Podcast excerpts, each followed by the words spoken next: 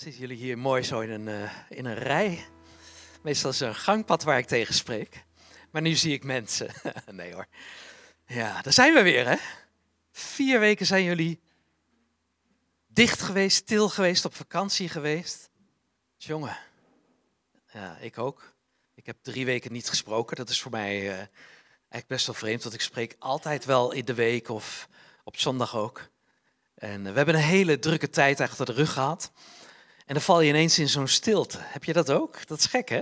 Eigenlijk is dat heel gek. Uh, wij hebben uh, nou ja, naast die spreekbeurten hemelse huwelijksseminars gedaan dit voorjaar. Uh, boek uitgegeven, zeker weten, hè, wat ook veel belangstelling kreeg en nog. En wat ook hier gebruikt gaat worden over het fundament van het geloof. Ehm, publiciteit gehad, een heel interview in Visie en Nederlands Dagblad, ehm, Groot Nieuwsradio, weet ik wat allemaal. Uh, mails, nou ja, weet je, allemaal dat soort dingen. Uh, reizen ook nog, Nepal, Polen, uh, Israël zijn we geweest. Zendingsreizen, maar ook heel leuk. En dan denk je, we moeten op vakantie, maar dan heb je eigenlijk al dat gedoe gehad en dan blijf je maar thuis. Ja, wij zijn gewoon thuis gebleven. En toen werd het heel warm. En we hebben van die hele grote ramen, zo'n oud huis op het zuiden. Nou joh, dat is gewoon niet te harde. dus toen zijn we er weer uitgevlucht. Een beetje een huisje in een bos ergens gezocht. En uh, nou ja, zo hebben we het overleefd. Maar uh, ja, het gekke is dan, hè, dan kom je dus uit die turbulentie. En dan word je ineens stilgezet. En dan uh, rommelt het nog een beetje na. Hè? Gewoon van binnen en in je hoofd en, en in alle drukte. En dan kom je eigenlijk toch wel weer terecht bij, oké, wie ben ik dan eigenlijk en wie is de Heer dan eigenlijk? En heb ik nog wel zin om de Bijbel te lezen en om te bidden? Ja, dat zit er gewoon in, hè?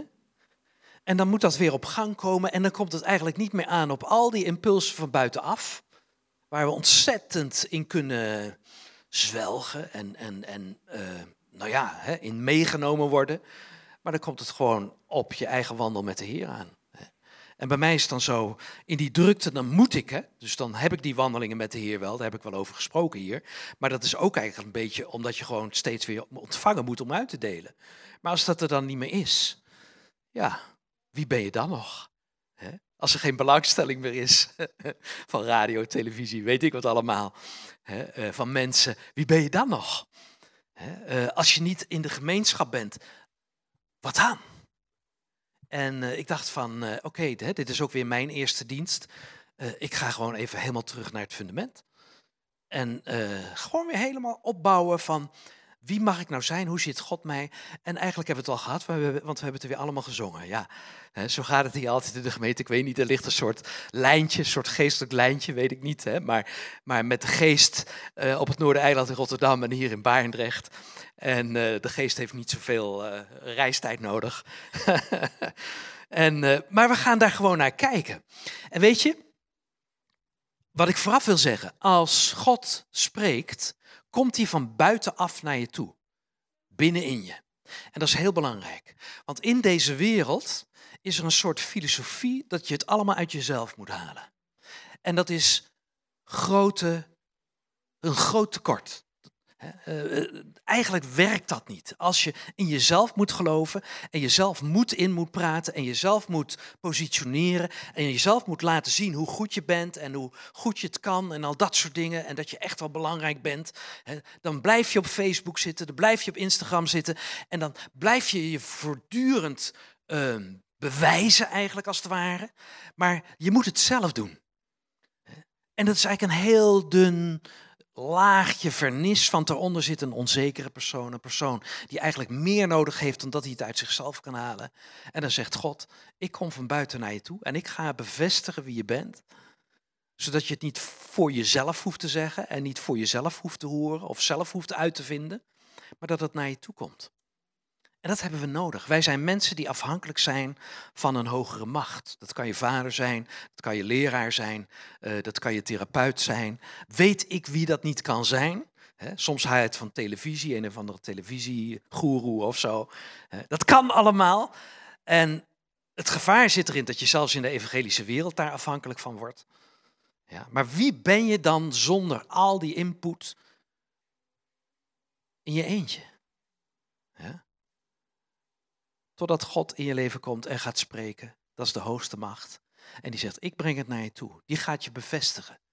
En wat bevestigen betekent, dat is iemand, God, hè, maar misschien ook mensen in je omgeving, want mensen kunnen ook namens God iets betekenen voor je in de gemeente.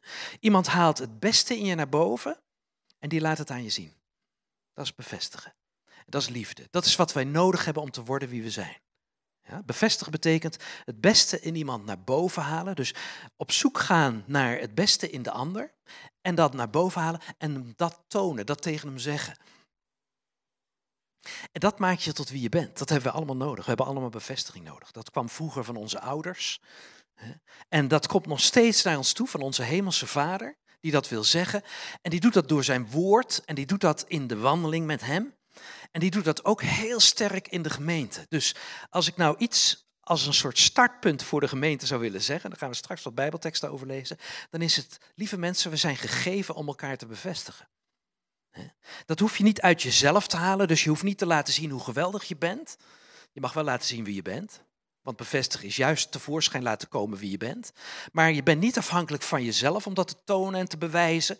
En als jij het niet zegt, dan weet niemand dat. Nee, in de gemeente doen we het zoals God het doet. Die kent jou en die ziet wie jij bent. En die haalt dat naar boven. En dat kan soms ook wel eens wat minder goed zijn wat hij naar boven haalt, maar wel om het beter te maken. Hij bevestigt je. En dat gebeurt dan door anderen die zeggen: Jij bent dat. Ik zie dat in je. En het leuke is, als mensen dat zeggen, dan ga je denken: Oh, als ze dat in me zien, dan ben ik dat waarschijnlijk. En dat helpt je om dan ook tevoorschijn te komen met wie je bent. In de veiligheid van de gemeente, waarin je niet afgeserveerd wordt, waarin je niet zo bekritiseerd wordt dat je denkt: Ik ben dus niks maar juist in de veiligheid waarin je tevoorschijn kan komen, ook met je zwakkere momenten. Maar om daarin versterkt te worden en naar boven te laten komen wie je werkelijk bent. Dat is eigenlijk de gemeente. En waarom wil God dat? Omdat alles waarin wij gaan stralen en schitteren, waarin we gaan uitdelen van wie we zijn, gaat dat vrucht dragen en wordt Hij verheerlijkt. Dan zegt hij, maar ik heb je zo gemaakt. Je mag zijn wie je bent, zoals je nu bent, gewoon op dit moment. Ja, met al je zwakheden, met al je tekorten. Maar als God dan gaat spreken, je mag zijn wie je bent om te worden wie je bent. Snap je dat? Om te worden wat Hij in je ziet en wat Hij tevoorschijn roept. God is van het begin af aan de God die spreekt. En die spreekt dingen tevoorschijn, ook in je leven. Dus we gaan nu wat Bijbelteksten lezen en er gaan dingen tevoorschijn komen. Vanuit mijn woord, vanuit wat God zegt, want het is het woord van God waarin je mag luisteren, wat komt er nou naar me toe, waarin ik tevoorschijn mag komen en op mag staan met wie ik ben. En naarmate ik meer tevoorschijn kom met wie ik ben, ben ik beter gekend door anderen. Is er een betere klik? Gaan mijn relaties beter? Eh, is dat ook iets wat, waar anderen wat aan hebben? Want als ik verscholen ben, of onzeker ben, of niet weet wie ik ben, ja, dan kan ik er ook niet zijn voor anderen. Daar mondt het uiteindelijk in uit. Het is eigenlijk een preek over de liefde. Hè? Maar ik heb het dan over zeker weten. Hè? Dit ben jij op het fundament van genade. En dan lezen we eigenlijk, we beginnen met een tekst uit uh, Psalm 139. Daar wil ik even iets over zeggen.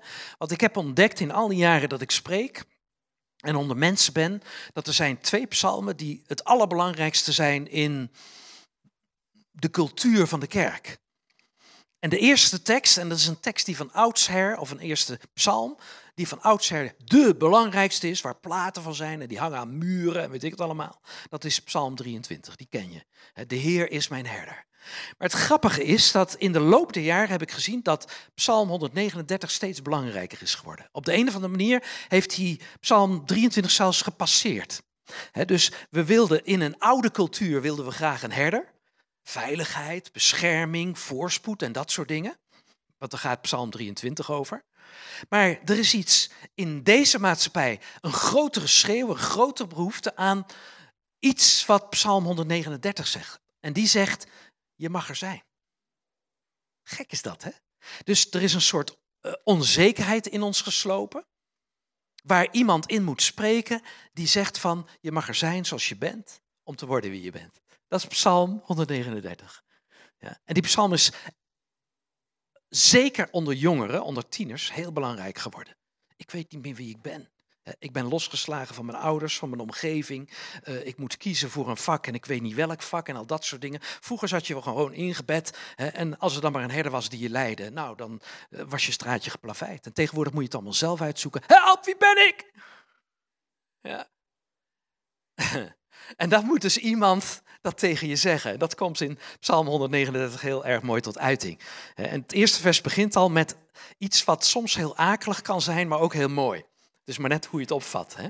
Heer, u ziet alles van mij. Help, hij ziet alles van mij. Zo kan je het lezen. Hè? Ja, hè? Dan zeg je van, dan wil ik me maar liever verschuilen. Dat staat ook verderop in die psalm.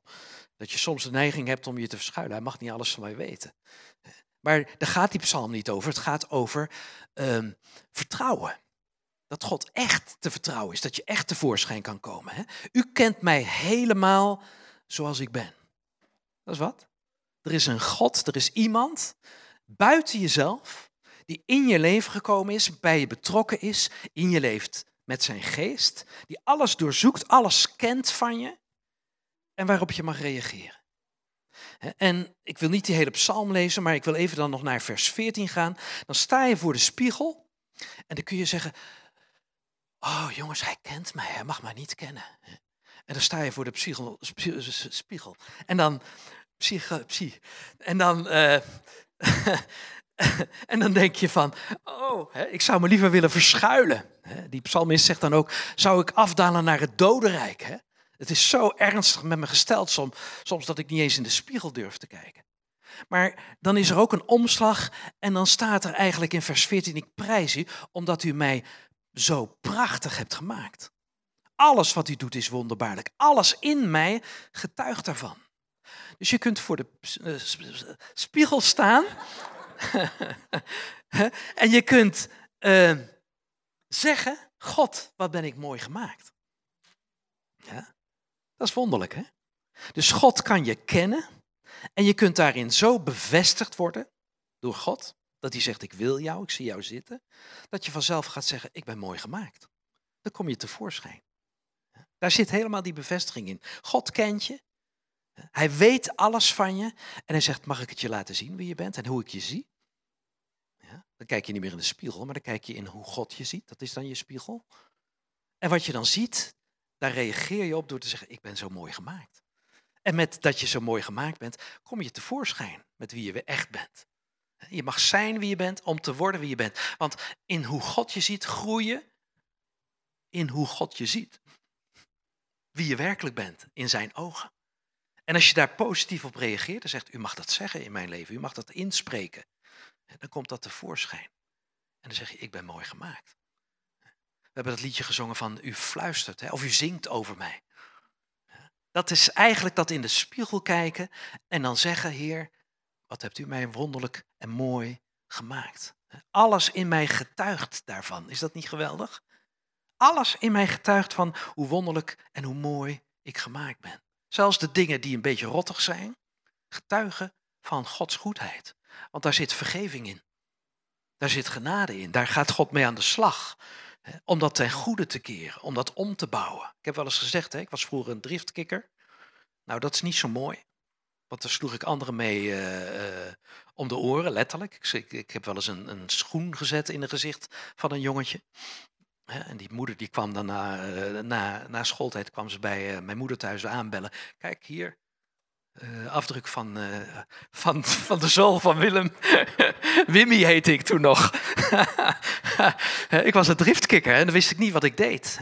Maar God kan ook die dingen, als die erbij mag komen, waarvan je dan kan zeggen van u bent daarin gekomen, u kent mij helemaal, ik schaam me daar niet voor, kan die ten goede keren en dan wordt het geestdrift, die drift.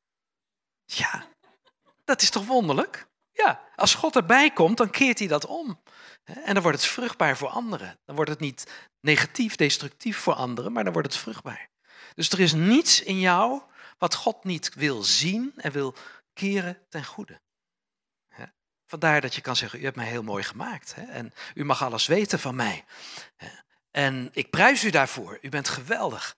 Nou, in uh, eh, 1 Johannes 3, vers 1 staat dan: Wat heeft de Vader veel liefde voor ons? Wij heten niet alleen kinderen van Hem, maar we zijn het ook. Dus God heeft gezegd van, ik zie je zitten, ik hou van je zoals je nu bent. Je mag zijn wie je bent en ik zie in jou een kind van mij. En daarin mag je opgroeien tot wie ik in je zie. Om te worden wie je bent. En dat is liefde. En het is liefde van de Vader. Weet je dat ik een preek gehouden heb op Vaderdag wat geen Vaderdag was? Hier? Weet je nog? Een vergissing. Ik dacht dat het Vaderdag was. Mijn kinderen die, die zijn al zo oud dat ze niet meer bellen. S ochtends vroeg van pa, gefeliciteerd met je Vaderdag. die vergeten dat gewoon. En uh, ik dus ook. Ik dacht dat het Vaderdag was. En ik sprak hier en het ging over de vader. Weet je wat het kenmerk is van een vader? Dat heb ik toen gezegd. Soms is het goed om dat te herhalen. Het kenmerk van een vader, een moeder, die zorgt en die beschermt. Maar een vader die spreekt identiteit in zijn kind. Die zegt, ik zie dat in jou, jij bent dat. Dat is het kenmerk van een vader. Nou, wat geweldig dat God onze vader is en dat hij zegt, je bent mijn kind. En dat we het nog zijn ook. Dat is eigenlijk wat Johannes hier uitroept. Dus je zegt niet alleen van, ik ben een kind van God. Dat klinkt soms mooi. Maar je bent het ook. Dat is je identiteit. En God spreekt dat voortdurend in. Die zegt voortdurend, ik zie jou zitten. En wat ik in jou zie, dat is dit, dat is dat en dat mag tevoorschijn komen. Je hebt dit karakter, je hebt die eigenschappen, je hebt dat temperament, geestdrift. Ja? En dat mag tevoorschijn komen. En het zit allemaal in je en ik haal het tevoorschijn. Dat is de vader die identiteit inspreekt. Nou, ik heb zelf een vader gehad die dat niet deed. Die altijd weg was en die de, de, de, de boel thuis kort en klein sloeg. Die gebruikte niet eens zijn schoen, maar die gebruikte alles wat hij te pakken kon krijgen om te smijten door het huis.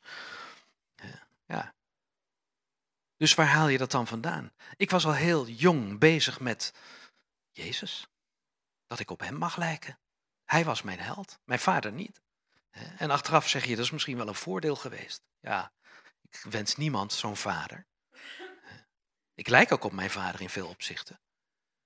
Maar de Heer is daar wel in moeten komen om dat ten goede te keren. En ik heb hem verzoend met mijn vader. Dus in dat opzicht is zijn invloed niet negatief gebleven. Maar is alles wat ik van hem zie en waarvan ik weet van daar lijk ik op hem, is iets waarmee ik me kan verbinden en wat ik kan omarmen en waarvan ik kan zeggen, oh, dat kan God ook gebruiken. En daar kan hij zelfs vrucht op geven. Nou, wij zijn kinderen. De Vader noemt ons zo. We, we heten niet alleen zo, maar we zijn het ook. En dat zijn, dat zegt van, dit ben ik, dit mag ik zijn. Hiermee mag ik tevoorschijn komen. Ik ben het. Ik ben een kind van God. Weet je hoe God heet als vader? Ik ben. Dat is zijn naam. Yahweh hij heeft maar één naam in de Bijbel. Hij heeft een heleboel titels, maar hij heeft maar één naam. En die naam is Yahweh en dat betekent ik ben. Ik zal er zijn. En het grappige is dat God die naam gegeven heeft aan Jezus. Die zegt ik ben de goede herder, ik ben het licht der wereld, ik ben de ware wijnstok, enzovoort, enzovoort. Die zegt ook voortdurend ik ben. En hoe kan hij dat zeggen? Omdat hij bevestigd is door zijn vader. Zijn vader die heeft eigenlijk tevoorschijn gehaald wie die is. Jezus had een relatie met zijn vader, net als wij, met God. Hij had ook de Bijbel, net als wij, alleen het Oude Testament. En daar heeft hij alles in gelezen wat hij was. Weet je dat in het Oude Testament al staat? Het licht van de wereld, de ware wijnstrok, de goede herder. Vind je, al die termen vind je in het Oude Testament. En, en Jezus heeft dat op zichzelf betrokken, is met de Vader bezig gegaan en zegt, ben ik dat? En de Vader heeft gezegd, dat ben jij. En zo heeft hij zijn identiteit gekregen van de Vader. En kon hij zeggen, ik ben. Dus waar God naartoe wil met ons, is dat we tevoorschijn komen en gaan zeggen: Ik ben, dit ben ik. Ja, ik ben een enthousiast ventje. Geestdriftig. Een van die vele dingen die ik ben, ik ben nog veel meer, maar even om een voorbeeld te geven, om er even bij te blijven. Dat mag je zeggen. En ik schaam me daar niet voor. Nee, daarom sta ik voor mensen. Want dat is eigenlijk, dat past bij mijn karakter, bij mijn temperament. Dus laat het maar zien. Hè? En zo heeft iedereen dingen waarin je gaat ontdekken van, oh, dat zegt God over mij. Hè? Een tekst die aanspreekt. Hè, wat zullen we van deze dingen zeggen? Als God voor ons is, wie zal tegen ons zijn? Joh, dat is helemaal mijn tekst. Ah, we gaan ervoor, yeah, yeah, kom op, gaan jullie mee? God is voor mij, ja, niemand kan me tegenhouden, dat ben ik. Dat is een tekst die spreekt, maar jullie hebben ook teksten die spreken in jullie leven. Je eigen tekst. Je eigen Bijbeltekst van feest, oh, die koester ik, dat spreekt mij zo aan. Hoe komt dat? Omdat het God is die je bevestigt in je identiteit. Die haalt het naar boven en die zegt, kijk, daar ben jij. En dan ga je op reageren en dan word je dat. Want het zat erin en hij haalt het eruit. Daar hebben we het over. En daar is de gemeente voor, hè? want dat geef je ook aan elkaar. Daar word je mee gevoed. Dus we, zijn we, we, we heten het niet alleen, we zijn het ook. Hè? Want, volgende tekst, Romeinen 8, vers 16. Want in ons diepste wezen overtuigt Gods geest ons ervan dat we kinderen van God zijn. Kijk, ik zeg de hele tijd, het komt van buitenaf. God is de ander, God is de grote, God is degene die het kan vertellen, de vader, wij zijn zijn kinderen. Maar het mooie is, het bijzondere is, en dat is ongelooflijk, dat hij het ook nog eens in ons legt. Dus die reflectie van wat zegt hij nou over mij, die komt van binnen tot leven. Je gaat er ja op zeggen. De Heilige Geest die zegt van binnen, jij bent het ook echt, zo'n kind van God. Jij lijkt ook echt op Jezus. Jij bent ook echt degene met die eigenschappen. Die vrucht, die zit er ook echt in en die mag er ook echt uitkomen. Ja? Dus het is niet alleen iets waar je op afstand naar kijkt. Je kijkt er niet alleen naar als een spiegel, maar het zit ook in je. Hij zit ook in je. En er is niemand die dichterbij kan zijn dan Gods geest in je. Dus je hoort het van buiten en van binnen gaat het beantwoord worden. En je weet het niet meer, hè? of dat nou jouw eigen stem is die zegt, oh ja, daar ben ik. Of dat de geest dat zegt, ja, daar ben jij. Want je bent zo één met die geest dat je daar gewoon sterk in wordt. De geest maakt je daar sterk in. Vol van de geest betekent vol van het besef wie je bent in Gods ogen. En dat maakt je moedig. Hm? Mensen die vol zijn van de geest zijn krachtig. Niet zozeer dat ze dan alles zo aankunnen, hè, met, met een soort kracht. Nee, krachtig in het besef wie ze zijn. En dat willen we allemaal. Hè. Daarom is Psalm 139 zo populair. Dat we weten wie we zijn, omdat de Vader, onze hemelse Vader, onze eeuwige Vader, die het echt voor het zeggen mag hebben, ons inspreekt, inzingt, hè, van dat liedje net, wie we zijn. En dat gaat resoneren als we even bij dat muziekje blijven. Dat gaat trillen, de geest die trilt. Die neemt dat over en dan wordt het jouw melodie, dan wordt het jouw zang, dan wordt het jouw kleur, dan wordt het jouw uiting. Jij bent dat. Geweldig is dat, hè? om zo met God om te gaan en dat op jezelf te mogen betrekken. Hebreeën 10, vers 10. Op grond van die wil zijn we eens voor altijd geheiligd door het offer van het lichaam van Christus. Ja, Casper, dankjewel dat je daarmee begon. Wat leuk, hè? Over dat lijntje gesproken. Geweldig, hè? Dus wat de Hebreeën schrijver zegt, eh, ik ga het niet herhalen helemaal van het oude offer en het nieuwe offer, maar in ieder geval is het zo dat uh, Jezus iets gedaan heeft wat God wilde. Nou, als God iets wil, er is geen grotere wil in het heelal, in het universum, in de schepping, in jouw leven dan Gods wil. God wil dat je weet dat je geheiligd bent, dat je apart gezet bent voor Hem, dat je onder Zijn aandacht bent, dat de focus van God is op jou. Hij wil jou. Op grond van die wil ben jij eens voor altijd, dus niet tot de volgende zonde die je doet, dat je het dan weer kwijtraakt. Hè, of tot de volgende vakantie, dat er even geen kerk is en dat je dan denkt, help, hoe moet ik geloven? Nee, God wil jou helemaal, eens voor altijd, apart voor Hem. Ik ben speciaal voor God, apart gezet voor Hem. Dat is wat hier staat. Dankzij Jezus, die daarvoor zijn lichaam, zijn offer heeft gebracht. Waarom Jezus met een lichaam? Omdat jij ook een lichaam hebt. En er moest iets geruild worden, want God kon eigenlijk niet dichtbij komen. En die zei, oké, dan ga ik op afstand staan voor Jezus om dicht bij jou te komen. Dat is eigenlijk heel in het kort wat hier bedoeld wordt met het offer van het lichaam van Jezus. God offerde zijn enige, zijn eerste zoon, om een heleboel zonen terug te krijgen. En het wonderlijke is dat hij Jezus in grote glorie ook teruggekregen heeft.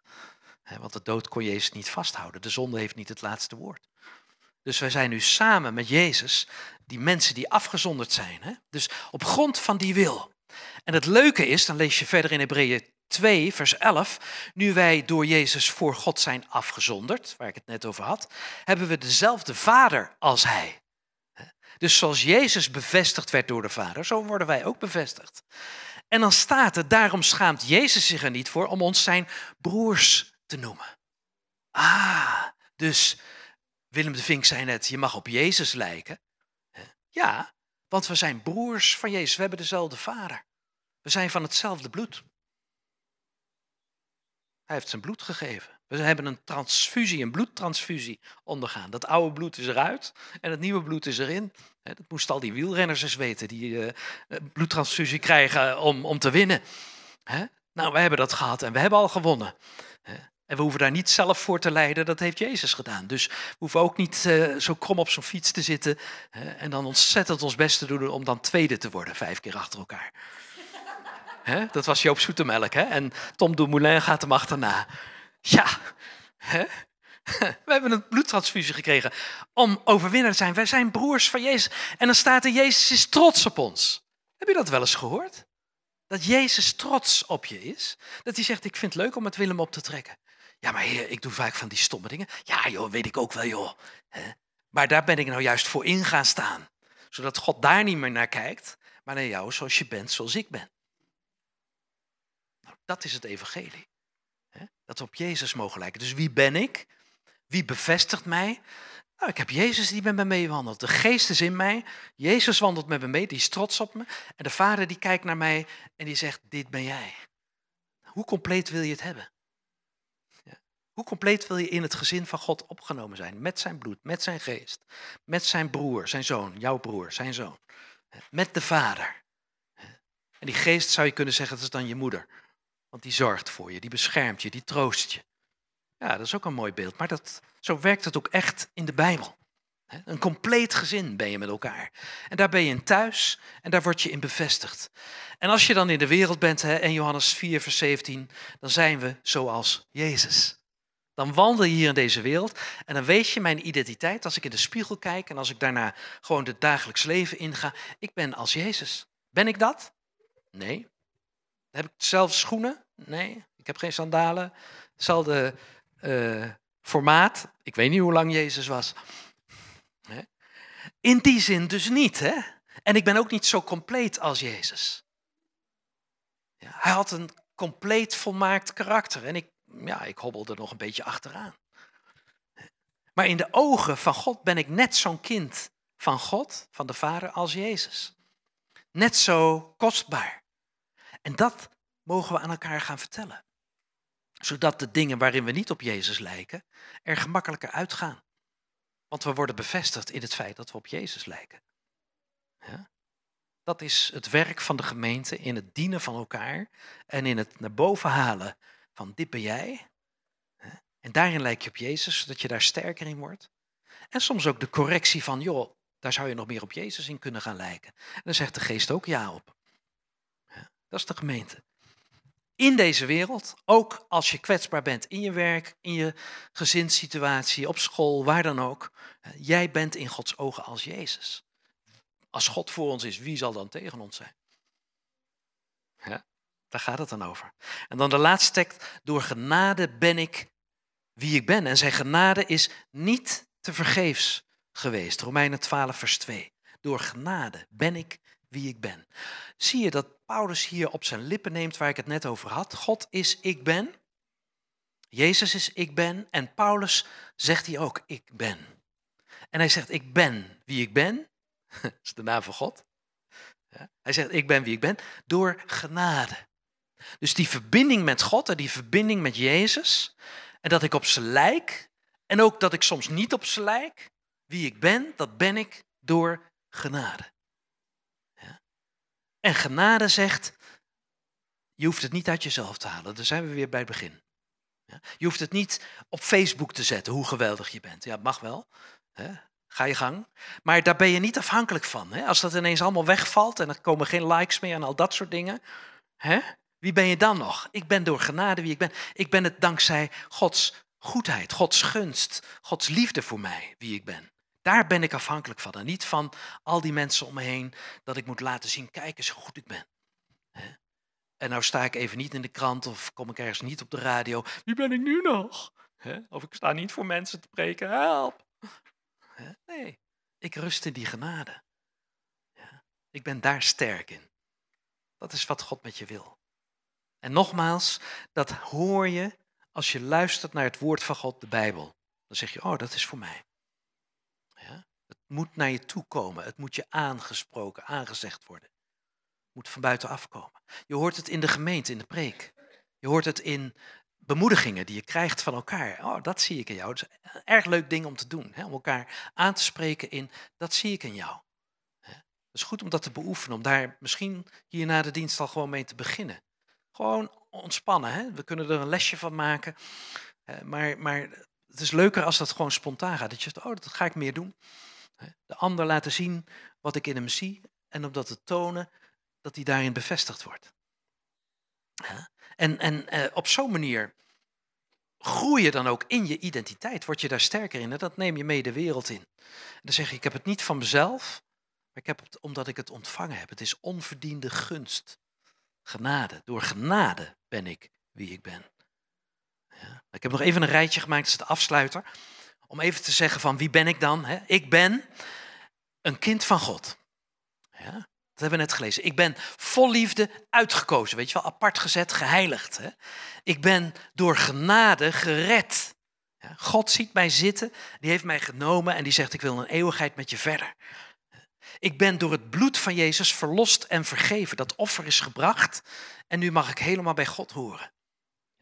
Ik ben als een rechtvaardige aangenomen. God zegt, jij bent goed in mijn ogen. Ik zie jou helemaal zitten. Jij bent gerechtvaardigd, goedgekeurd. Ik ben een nieuwe schepping. Door de geest. Ik was dus driftig, maar ik ben geestdriftig geworden. Snap je? Ja, een nieuwe schepping. Ik ben het evenbeeld van Jezus. Ik ben zijn broer, hij is trots op mij. Ik ben in deze wereld als Jezus, het evenbeeld van Jezus. Het zijn allemaal teksten uit de Bijbel dit. Hè? Ik ben als Hem, in Hem. Ja? In Hem ben ik. En daarom kan ik zeggen, ik ben als Jezus. God heeft mij in Hem geplaatst. Hij is mijn broer, ik ben in Zijn familie. Amen. Zullen we bidden? Dank u Heer dat we zo deze, dit nieuwe seizoen mogen beginnen met een diep besef van wie we mogen zijn in uw ogen en hoe we daarin door u begenadigd zijn, verwend zijn als het ware, in de goede zin van het woord. Heer, dat u ons zo ziet zitten en zo van ons houdt. Dank u, Heer, dat dat niet afhankelijk is van hoe wij ons positioneren of hoe wij ons best doen om iemand te zijn. Want dan zijn we met zelfverwerkelijking, zelfbevestiging bezig. En dat is hol, dat is leeg. Want uh, ja, waar komt dat vandaan? Dank u Heer dat u ons bevestigt. En dat dat genoeg is. U mag het eerste en het laatste woord hebben in ons leven. En alle leugen, die mogen we parkeren, die mogen we uitwijzen, die mogen we afwijzen, die mogen we dumpen. Daar mogen we van af. Alles wat over ons gezegd is, wat niet strookt met Jezus. Dank u dat u de waarheid bent, ook over mijn leven. En leer ons, Heer, om te luisteren naar u, naar uw woord, naar uw geest in ons, naar elkaar als we dingen uitspreken die namens u geïnspireerd zijn. En om daar houvast in te vinden, in versterkt te worden, het fundament in te ontdekken. Dank u dat u ons daarin gaat leiden. Heer, dat de gemeente een gemeente mag zijn waarin we elkaar zo aanvullen dat we gesterkt zullen zijn. Elke week opnieuw om in de wereld te staan en daar te zijn als Jezus. Dank u daarvoor. U bent goed. U zegent ons daarin. Heer, dank u dat alle verdriet over wie we dachten dat we waren en waarin we pijn gedaan zijn, dat u dat weg wil nemen. Heer, er is zoveel uh, afwijzing geweest in ons leven. Heer, er is zoveel verdriet en pijn en lijden geweest over de liefde die niet beantwoord werd in ons leven. Maar dank u Heer dat u ons wilt bevestigen dat die liefde van u uitkomt en dat er ook in onze relaties weer liefde mag komen die bevestigt in plaats van afwijst. En dat u daarin heelt en geneest, herstelt en troost, nieuwe moed geeft, nieuwe kracht. Dank u Heer dat ook uw genezende kracht op dit moment aan het werk is. Heer, dat elke afwijzing, tegenovergestelde van bevestiging, door u wordt genomen, in uw hand wordt genomen. En dat u erin blaast en zegt, maar ik bevestig je. En die pijn van afwijzing wil ik ten goede keren, zodat je toch tevoorschijn komt en leert om anderen niet af te wijzen. Dank u Heer dat u daarin zegent. En beschermt en leidt. Dank u Jezus. Je dank u dat u vaderschap gaat bevestigen en gaat uh, tevoorschijn roepen in de gemeente, naar de kinderen toe.